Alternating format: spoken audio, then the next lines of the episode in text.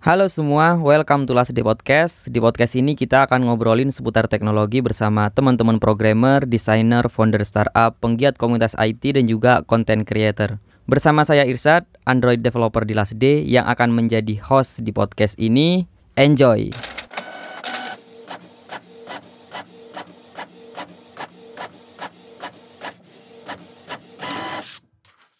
Da, dulu saya tahu Mas Ariangga sekitar tahun 2015, bener ya Mas?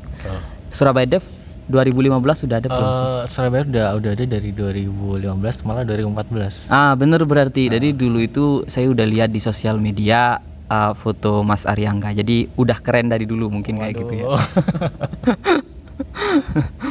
Oke, saya ucapkan selamat datang dan terima kasih buat Mas Ariangga mau sharing di Last Day Podcast. Sama-sama Mas, aku juga makasih banyak. Oke, Udah mungkin diundang. Mas Ariangga bisa mulai dari perkenalan uh, Mas Ariangga ini siapa, kemudian kerjaan utamanya apa, kemudian uh, di luar kerjaan utama biasanya aktivitasnya apa aja. Oke. Eh, kenalin nama aku Aryangga Alif Pratama Putra, biasa dipanggil Aryangga. Eh, untuk sekarang sih eh, bekerja sebagai software engineer remote, Remote. Eh, remote kerja dari rumah. Eh, selain kerja juga kesibukan lainnya adalah ngurus komunitas Surabaya Dev. Kadang, Kadang saya saya sekarang lebih apa ya? Mungkin lebih ke arah itu sih memberi arahan mungkin Memberi ke arahan. teman-teman kuliah anak-anak kuliah yang baru Hmm. ini. Karena udah mungkin dulunya stay di Surabaya, bener Iya Mas? dulu stay di Surabaya sekarang kan udah nggak di Surabaya lagi udah Ah, dua tahun terakhir I see, udah I nggak di see. Surabaya. Eh, selain itu juga sibuk kadang nulis, Ah, nulis kadang di nulis Copy Dev. Coffee Dev, oke. Ah. ya sibuk-sibuk mencari usaha lain lah. Bagian dari usaha berarti ya. Iya. Oke oke nice. Oke mungkin eh, Mas Ariangga bisa ini apa dulu mulai belajar kenal coding itu mulai kapan? Eh, Sebenarnya coding tuh dari SMK sih. SMK. Oh Ah. berarti SMK-nya memang jurusan multimedia. Oh. Aku SMK multimedia. gitu. Aku aku latihan desainer, desain. Sebenarnya aku dulu seorang desainer, bikin vektor, bikin logo dan lain-lain. Oh, I Cuman see, I see. ada di mana aku pengen menjadi programmer. Itu pengen jadi programmer tuh semenjak SMP. Sebelum malah. Heeh, sebelum sebelum Oke. sebelum SMK jadi SMP tuh aku udah pengen jadi programmer. Itu gara-gara apa ya? Gara-gara Friendster. Oh Friendster oke. Oke, tahu Friendster kan? Tahu tahu. di Friendster tuh kita bisa ngutak-ngatik Tema, halaman profil tema, kita ah, ah. menggunakan kode HTML di situ. Oke Nah, nice. terus di Friendster tuh kadang aku lihat di sana ada iklan kayak iklan Sunslick yang waktu itu. Mm, mm, mm. Aku ngeliat ini ini website ada iklannya. Berarti website ini mendapatkan uang dari iklan ini. Oh I see. Oke, saya mikir kayak Eh, mikir kayak gitu. Udah mikir kayak gitu udah dari dulu berarti ya? Oh, dari dari dari SMP udah mikir kayak gitu. Ini website ini ada iklan berarti website ini mendapatkan penghasilan dari iklan ini. Nah, caranya itu yang aku nggak ngerti. Ah. Dari situ aku tertarik dengan komputer, pengen jadi programmer seperti itu. Nah, akhirnya masuklah SMK ke jurusan multimedia. Multimedia. Kenapa tidak ke RPL kalau udah Karena tahu? tuh- waktu itu nggak ada. Oh nggak ada ya? Nggak ada dan aku nggak ngerti sebenarnya jurusan SMK tuh ada RPL ada ini dan Oh, Cuma iya, ada yang iya. multimedia katanya diajarin bikin animasi diajarin bikin game oke lah saya masuk multimedia Oh waktu itu iya. Dan ada web design juga katanya. Eh, waktu itu belum ada. Oh belum ada ya? nah jadi akhirnya waktu SMK kelas saya dibagi tiga kelas. Saya masuk ke kelas desain terus ada kelas programming. Akhirnya saya maksa ikutan masuk kelas programming. Hmm. gara-gara nonton film The Social Network. The Social Network, kalau tahu, Facebook, ya, ah, ah, Facebook. gila nonton film itu kan panas banget itu. Mm. Eh, ngelihat bagaimana si Mark Zuckerberg eh, dalam beberapa hari dia ngoding di kamar kosnya membuat sebuah situs untuk kayak bikin pemilihan gitu kan pemilihan antara si cewek satu dan cewek yang lain jadi jadi terkenal gara-gara itu akhirnya terciptalah Facebook Oke, Nah, itu- face face mesh dulu kan ya. iya Facebook ya Oke, nice. nah dari situ aku pengen banget jadi programmer itu Udah Oh. Si, si, bentar. Film itu mulai tahun berapa sih? Aku lupa. 2010 Aku non kalau nggak salah Oh iya, iya. aku nontonnya barusan soalnya. iya iya aku dari dari 2010 nonton itu ya dari situ awalnya aku pengen belajar ngoding aku tekuni akhirnya di kelas 3 SMK itu aku tekuni ngoding Kelas 3 SMK. Kelas 3 SMK. Multimedia. Mm-mm. Oke, di Saya masih situ ngoding PHP ngoding PHP. Ada temennya nggak sih mas waktu itu? eh kalau dibilang temen sejujurnya nggak ada Nggak ada. Memang Karena setahu aku angkatan aku yang, yang setahu aku nih ya, Heeh. soalnya aku udah nggak kontak lama-lama. Seangkatan aku, sekelas aku yang jadi programmer cuma aku doang. Oh, I see. yang lainnya didesain, mereka didesain atau nggak video. Oke, i- different way gitu tadi Oh, kira. oh, di Runway. Oke, kemudian eh, setelah lulus dari SMK, Aku kuliah kuliah di Untak, di Untak. Untak Ju- Surabaya. eh, jurusan Teknik Informatika. Oke, nice. Akhirnya menemukan tujuan. Oh, enggak juga sih. Oh, enggak Karena juga? Aku kuliah ya gitu-gitu aja. Malah sebenarnya udah struggle banget pengen keluar apa enggak, tapi ya orang tua kan pengen anaknya lulus ya. Ah, ah, akhirnya ya harus lulus. Salah Jadi satu dari situ akhirnya untuk menemu- menemani passion ya bikin komunitas ini Surabaya ketika kuliah. Ketika kuliah, Oh, I see. ketika kuliah bikin komunitas Surabaya sama temen aku tentunya. Habis itu juga sambil kerja. Sambil kerja. Nah, dulu kerja di agensi, habis itu kerja di startup. Ah, Oke oke mungkin eh, kita eh, boleh share tentang dulu proses kerja pertama kali apa yang disiapin oleh seorang Mas Aryangga. Oke, jadi Ah. sebelum sebenarnya setelah lulus SMA SMK tuh aku pernah bikin agensi kecil-kecilan. Oke. Jadi aku melayani jasa pembuatan website, jasa pembuatan mobile mobile web waktu itu Ah. udah. Eh, klienku tuh banyak dari Jakarta ada, Bandung ada. Wih. Nah, ada akhirnya aku masuklah ke salah satu agensi. Tujuan aku masuk ke agensi untuk belajar bagaimana sih agensi ini mendapatkan seorang klien gitu-gitu kan. Mm-mm. Nah, setelah ke agensi, agensi agensi ini tahu kalau aku punya jenis usaha yang sama dengan mereka. Dan waktu aku di sidang dikasih dua opsi. Eh ini sampai di, di, di sidang. Ah, serius? Ariangga, sejujurnya seandainya kami mengetahui kamu memiliki agensi itu, kamu tidak akan meng-hire kamu. Oke.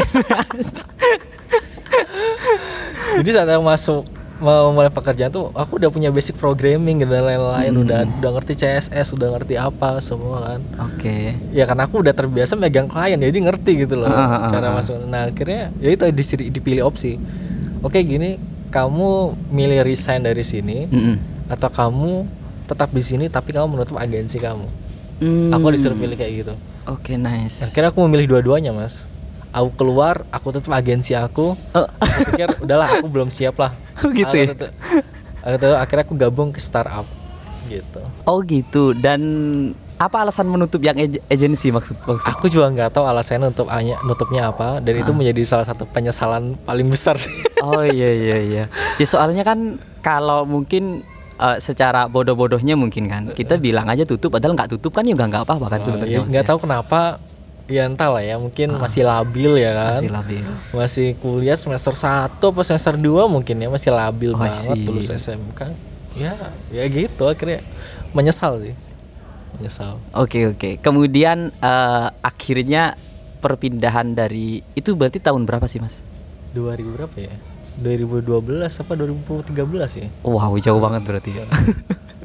Sudah 8 tahun yang lalu berarti. Oh, 7 tahun 8 tahun yang lalu Oke mungkin bisa diceritai proses singkat sampai akhirnya menemukan pekerjaan yang sekarang. Oke, proses singkatnya karena aku bikin komunitas Laravel Surabaya awalnya sama si Oh. Laravel dulu. Dulu La- Laravel Surabaya karena menurut aku Laravel ini kok bosan ya Laravel terus Laravel terus Laravel. Ini aku nggak tahu sih. nggak tahu ya. Nggak tahu, nggak Nah, tahu. Cerita Surabaya itu awalnya tuh Laravel Surabaya. Oke. Akhirnya bergabunglah si Ahmad Fatoni kalau tahu. Ah, ah, tahu. Ya kan si Afif Fatoni dan Anthony udahlah kita jadikan ini Surabaya Dev aja agar bisa eh, merangkul berbagai macam teknologi Iya, iya, iya, semakin banyak orang dan bener lah Surabaya Dev waktu itu rame banget Rame banget. rame banget aku gue gue ajib banget sih Iya iya. Kalau boleh bilang sih salah satu role model karena kita pernah eh, aku dulu running komunitas 2018 role model kita ya Surabaya Dev. Nah. Mulai dari posting sosial medianya, model eventnya, ya, Mas ya.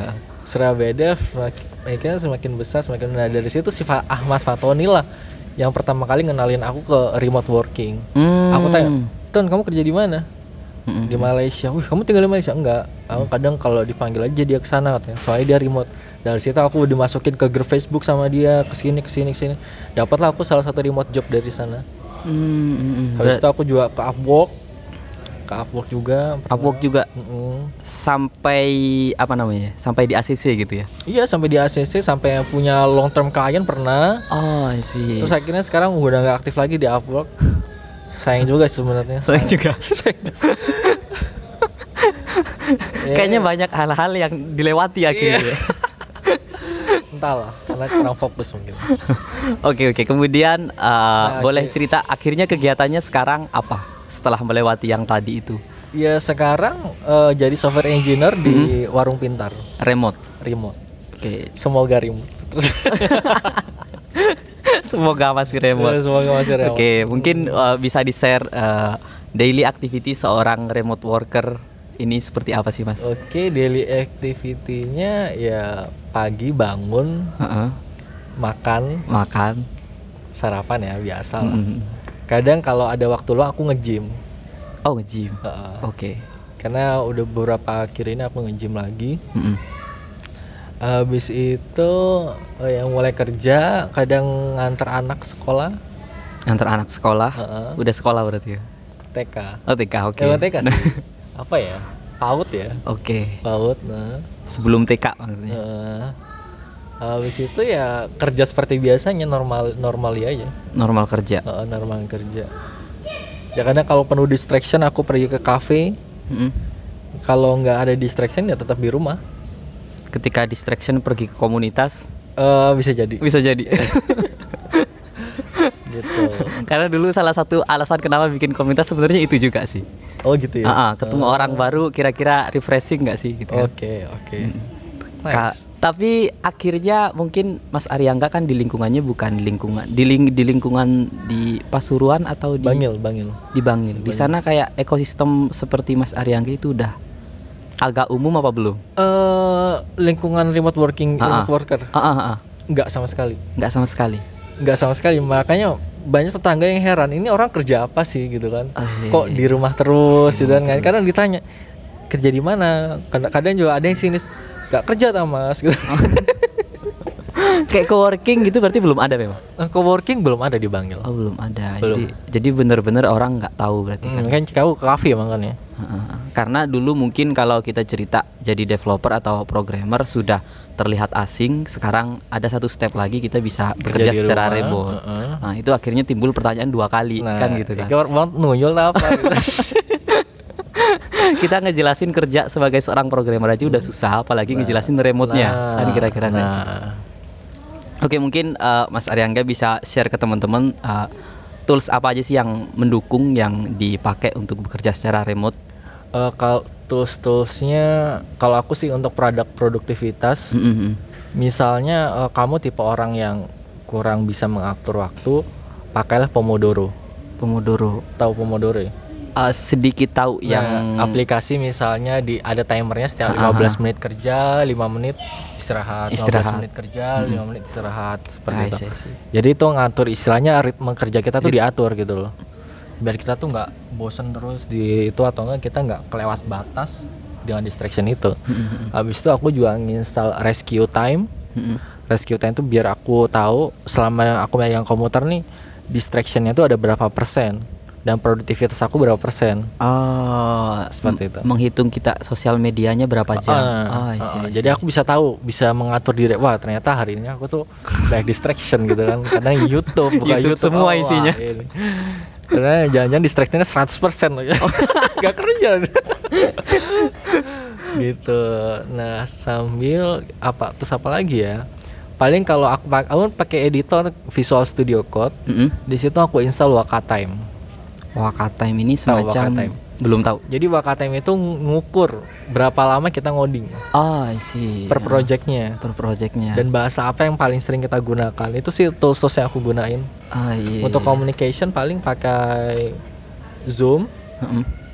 sama Google Meet Google Meet. Hmm, itu aja Kemudian kayak ini enggak sih? Eh, tidak semua tapi beberapa temen yang remote itu kayak ada aplikasi untuk di track. ada Ada, dipakai juga itu. Eh, jadi nge-track pekerjaan kita kan Ah, nge-track. ada Heeh. kalau di company yang lama aku pakai Jira Heeh. kalau di company yang sekarang aku pakai Tulip namanya Ah, see, Tulip see. Jadi memang memang di track gitu kan. Mas? memang di track kita udah lagi ngerjain apa aja kita ada kerjaan apa enggak gitu Iya iya iya. Kadang orang kan eh, ngira freelance sama remote sama. Hmm, Ah, beda kayak- itu Beda. Ah, ah, ah. Jadi yang bikin beda itu kita sebenarnya ya kerja kayak di Hmm, office biasa, hmm. cuman kita bedanya nggak ke kantor. nah itu ah, ah, ah. kadang-kadang ada orang menyamakan padahal beda beda banget Oke, sekarang kita ngobrolin tentang programming. oke siap siap Tadi udah dimention Mas Aryangga bahwa dulu pernah bikin Laravel, berarti udah lama banget eh, udah kenal sama Laravel Mas Iya, Aryangga. heeh. Eh, mungkin eh, selain itu apalagi sampai menggunakan yang sekarang apa sih yang digunakan? Eh, React sekarang pakai React Sekarang front React. end. dulu di back end sekarang di front end Oh gitu. Heeh. Dulu di di back endnya menggunakan Laravel itu Laravel, Laravel PHP CI kadang CI juga. CI Eh, Sekarang fokus ke sekarang fokus di front end. Front end. walaupun kadang-kadang masih ngoding back end sih. Ah, kayak kan iya, ada klien-klien lama aku minta tolong apa itu tetap harus aku update dependensinya dan lain-lain. Aku maintain lah istilahnya. Mm-mm. gitu. Oke sih. Eh, kemudian eh, teks-teks yang baru untuk yang digunakan Mas Aryangga sekarang yang bisa dimention mungkin teman-teman kan eh, tahu front end gitu kan. Mhm. Ya cuman eh, yang sekarang mungkin masih 2020 baru yang dipakai seorang Mas Aryangga itu kan teman-teman front end belajar apa sih kan gitu kan. oh eh, bahasa aku gunakan di Ah, front end ah. oh kalau sekarang sih aku pakainya React JS ah. eh P-React Oke. TypeScript Oke, mulai nggak kenal nih. Eh, React Native Ah, oh, React Native juga. React Native juga Mobile berarti. mobile aku mobile sama web tapi aku Ah, sebenarnya lebih lebih suka lebih suka web sih daripada mobile cuman ya karena di kantor kerjaannya mobile ya harus ngoding mobile Mm-mm. Oh, sekarang berarti kerjaannya lebih ke front end mobile atau web? front end mobile Oh, front kebanyakan end front end mobile. mobile I see. iOS, Android, iOS Android dua-duanya berarti memang. Iya karena React Native kan sekali ngoding dia bisa di aplikasi apa diaplikasikan ke dua Ke platform dua kan. platform. Oke. bahkan lebih bahkan lebih Oke, oke, I see. Mungkin kalau boleh tanya lagi, tantangan untuk dua platform dari React Native ini seperti apa sih? Tantangannya apa ya Atau sama aja? Eh sebenarnya kalau dari segi ngoding Heeh, sama sama. dari segi debugging sama Sama juga. mungkin tantangannya adalah jika kita nggak punya MacBook Nggak bisa deploy ya? kita kesulitan itu kalau nggak ada MacBook itu itu tantangannya that's why aku kenapa beli MacBook ya karena tuntutan pekerjaan Oh, I see, I see. kalau nggak ada itu ya sebenarnya ya pakai laptop biasa kan bisa Heeh, belum ada kebutuhan untuk MacBook juga. Ah, ah. Oke, oke, I see. Ah, mungkin ah, tadi kita kembali ke profesi yang tadi yang remote. Kalau boleh tahu dulu cita-cita seorang Mas Aryangga sebenarnya apa? Udah kebayang programmer atau belum? oh nggak Enggak. cita-cita aku adalah menjadi seorang astronot Astronot. Seriously. Seriously. Aku dari kecil tuh nonton film apa sih? Oh, extraterrestrial kalau tahu. E.T. Enggak, enggak. Nggak tahu ya. Enggak Jadi tahu. waktu kecil tuh aku nonton film extraterrestrial. Mm-mm. Jadi itu seorang alien yang datang ke bumi, akhirnya dia berteman dengan seorang anak manusia. Oh, iya, iya, Dia iya. bersahabat. Ah, ah, ah. akhirnya kalau kalau misalnya Mas tahu eh, yang vir, yang yang terkenal itu dengan background orang naik sepeda, ada keranjangnya di depan melewati bulan. Pernah nggak itu lihat? Pernah, pernah. Nah, itu itu salah satu ik- ikonik dari film E.T. Oke, Nah, oke. dari situ aku pengen jadi astronot. Astronot. Iya. Kemudian eh, something yang masih dilakukan sekarang untuk interest tersebut masih ada apa enggak? Eh dua tahun yang lalu aku apply ke NASA, ngirim apply, ngirim sebagai astronot, Oh. ngirim CV dan lain-lain. Yes, yes. Nggak ada panggilan, mungkin gue bego kali. Karena ter- kabar terakhir kan di apa astronot yang terpilih itu lulusannya, wih parah semua sih, Eh, doktoral, mantan m- apa istilahnya kayak tentara di Amerika dan lain, mereka punya background hebat semua Mm-mm. dan dibilang orang-orang seperti itu ya funny sih emang lucu Oke. Aku sudah sampai sampai apply ke NASA waktu itu ngirim ngirim resume dan lain-lain Sampai akhirnya menjadi seorang developer sekarang, akhirnya mungkin sekarang kita bahas enaknya aja. Oke. Akhirnya sekarang mungkin eh, tetap stay sebagai developer. Ya. Apa yang paling ini mungkin? Mungkin bukan kita bukan ngomongin salary ya mungkin. Iya. value yang lain apa sih yang bikin oh kayaknya udah developer aja lah gitu. Oh, oke. oke. Salah satu keuntungan menjadi developer adalah kita harus selalu belajar. Mm, mm, mm, mm. Oke, setuju kan? Setuju. Kita harus selalu belajar. Nah, itu yang, yang aku suka. Jadi ngebuat aku nggak nggak berhenti belajar gitu. Bayangin kalau kita berhenti belajar, kita hanya berpikir di area itu aja, Mas. Mm, mm, mm. I see.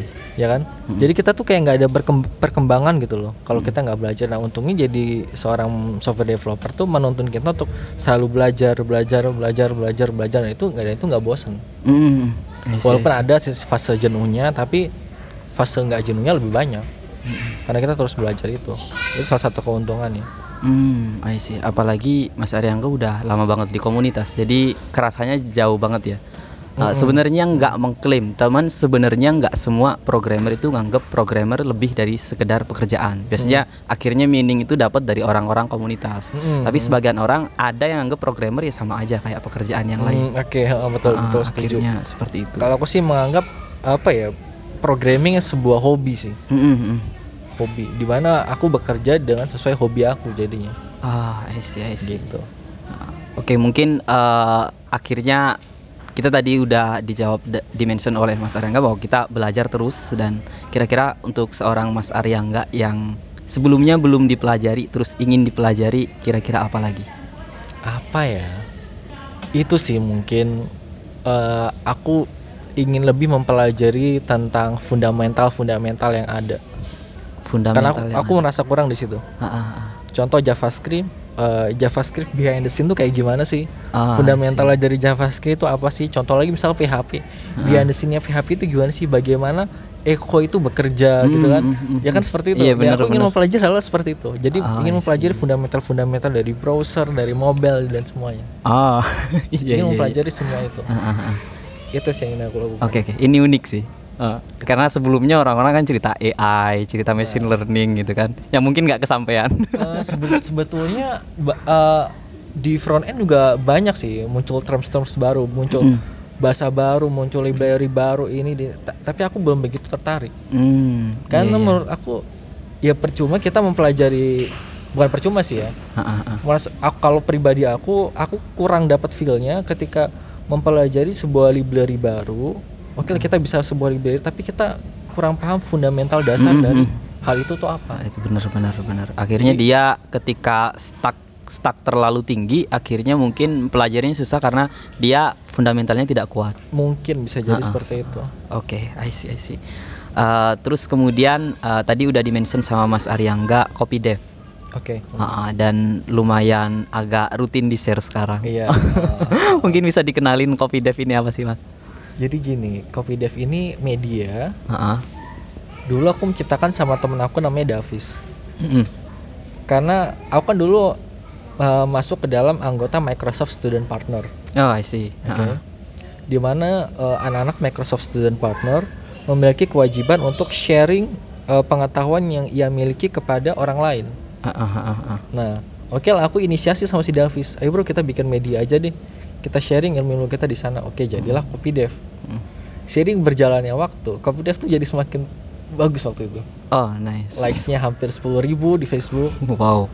uh, share-nya tuh banyak banyak yang nge-DM kita buat job posting apa dan lain-lain uh, jadi media partner event dan lain-lain apa gitu kan Itu berarti sekitar tahun berapa?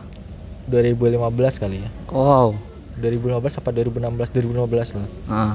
nah karena akhirnya pada karena kesibukan kita masing-masing Yes, yes. si Davis mulai apa tugas akhir aku tugas akhir temen aku juga ada lagi satu lagi yang bergabung nah Christian juga sibuk tugas akhir akhirnya kita sepakat untuk matiin ini Hmm. Tapi Dev mati waktu itu dan itu sangat disayangkan sekali Dimatiin apa vakum? dimatiin Oh, dimatiin. benar-benar mati Oh, sampai domain diambil orang nah akhirnya eh, akhir-akhir ini muncul eh, rasa diri aku untuk kembali sharing lagi kembali nulis lagi Mm-mm. aku buatlah copy dev dengan domain yang berbeda copy.dev dev. kalau dulu copydev.com Oh iya sekarang iya, iya. copy.dev dev. Karena udah ada dev sekarang. nah itu Ini dari situ aku dah ayo mulai lagi struggling lagi kita mulai lagi dari awal Terus konsep yang direncanakan seperti apa berarti? konsepnya apa ya Eh, sejujurnya aku terinspirasi dari kawan coding, Kawan coding, oke Mas Amirul. terinspirasi dari Hacktified, Activate. terinspirasi dari pesantren Sintesa. Hmm, I see. Nah itu ti- tiga inspirasi aku. Mungkin aku cuma bisa menyebutkan inspirasinya aja apa. Dan yang mau dilakukan insya Allah nggak jauh-jauh dari tiga hal. Oh, I see.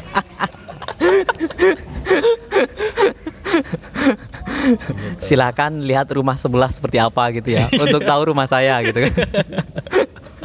Kira-kira saya mau kayak gitu kan. Oke, mungkin yang terakhir Ya, referensi. balik lagi Ah, oke, sebenarnya Kopi Dev ini ya untuk aku just for fun lah.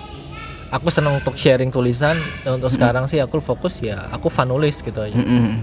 Kelihatan banget sih. Kalau enggak, ya ngapain bikin komunitas gitu Nah, kan ya. Aku fun nulis itu.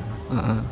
Oke, yang terakhir referensi untuk teman-teman untuk belajar mungkin yang apa aja sih referensi yang sekarang uh, Mas Aryangga lagi dipakai terus bisa di-share ke teman-teman biasanya belajar di mana? Oh referensi tempat Mm-mm, belajar. Tempat belajar. apa ya kalau referensi tempat belajar itu aku lebih membaca ke dokumentasi apa yang aku gunakan Ah, I see. aku lebih baca ke situ Mm-mm.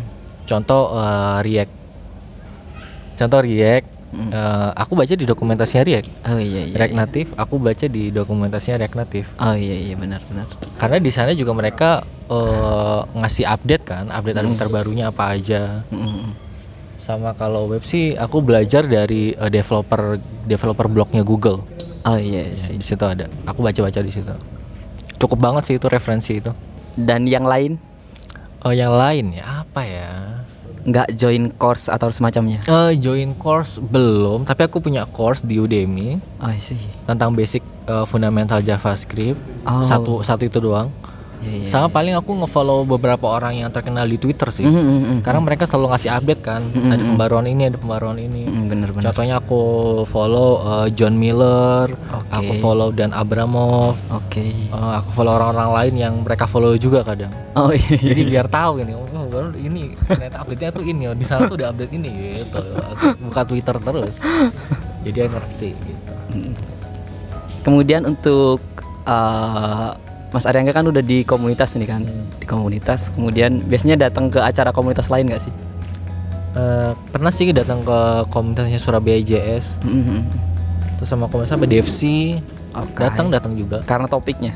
Karena topiknya pasti Oh, I see, I see. kalau Jadi, topiknya nggak nggak terlalu menarik aku nggak datang oh, I see. Memang karena topik berarti kan. Topik, hmm. Oke, nice. Berarti itu masih sesuatu yang worth it gitu lah ya. iya heeh, heeh.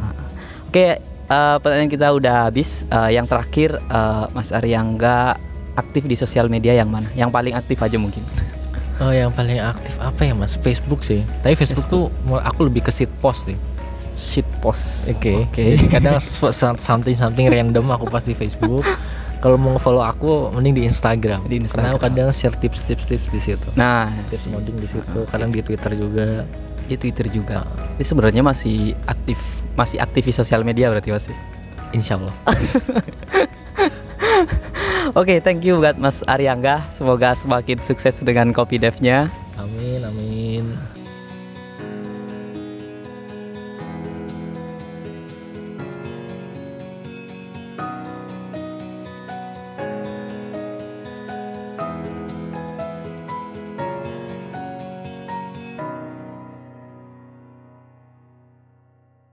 Terima kasih sudah mendengarkan podcast ini. Kalau kamu suka, jangan lupa share ke teman-teman kamu melalui sosial media. Kalau kamu punya kritik dan saran untuk channel podcast ini, kamu bisa DM kita di Instagramnya lasd at lazdayd dan sampai ketemu di episode berikutnya. See you guys!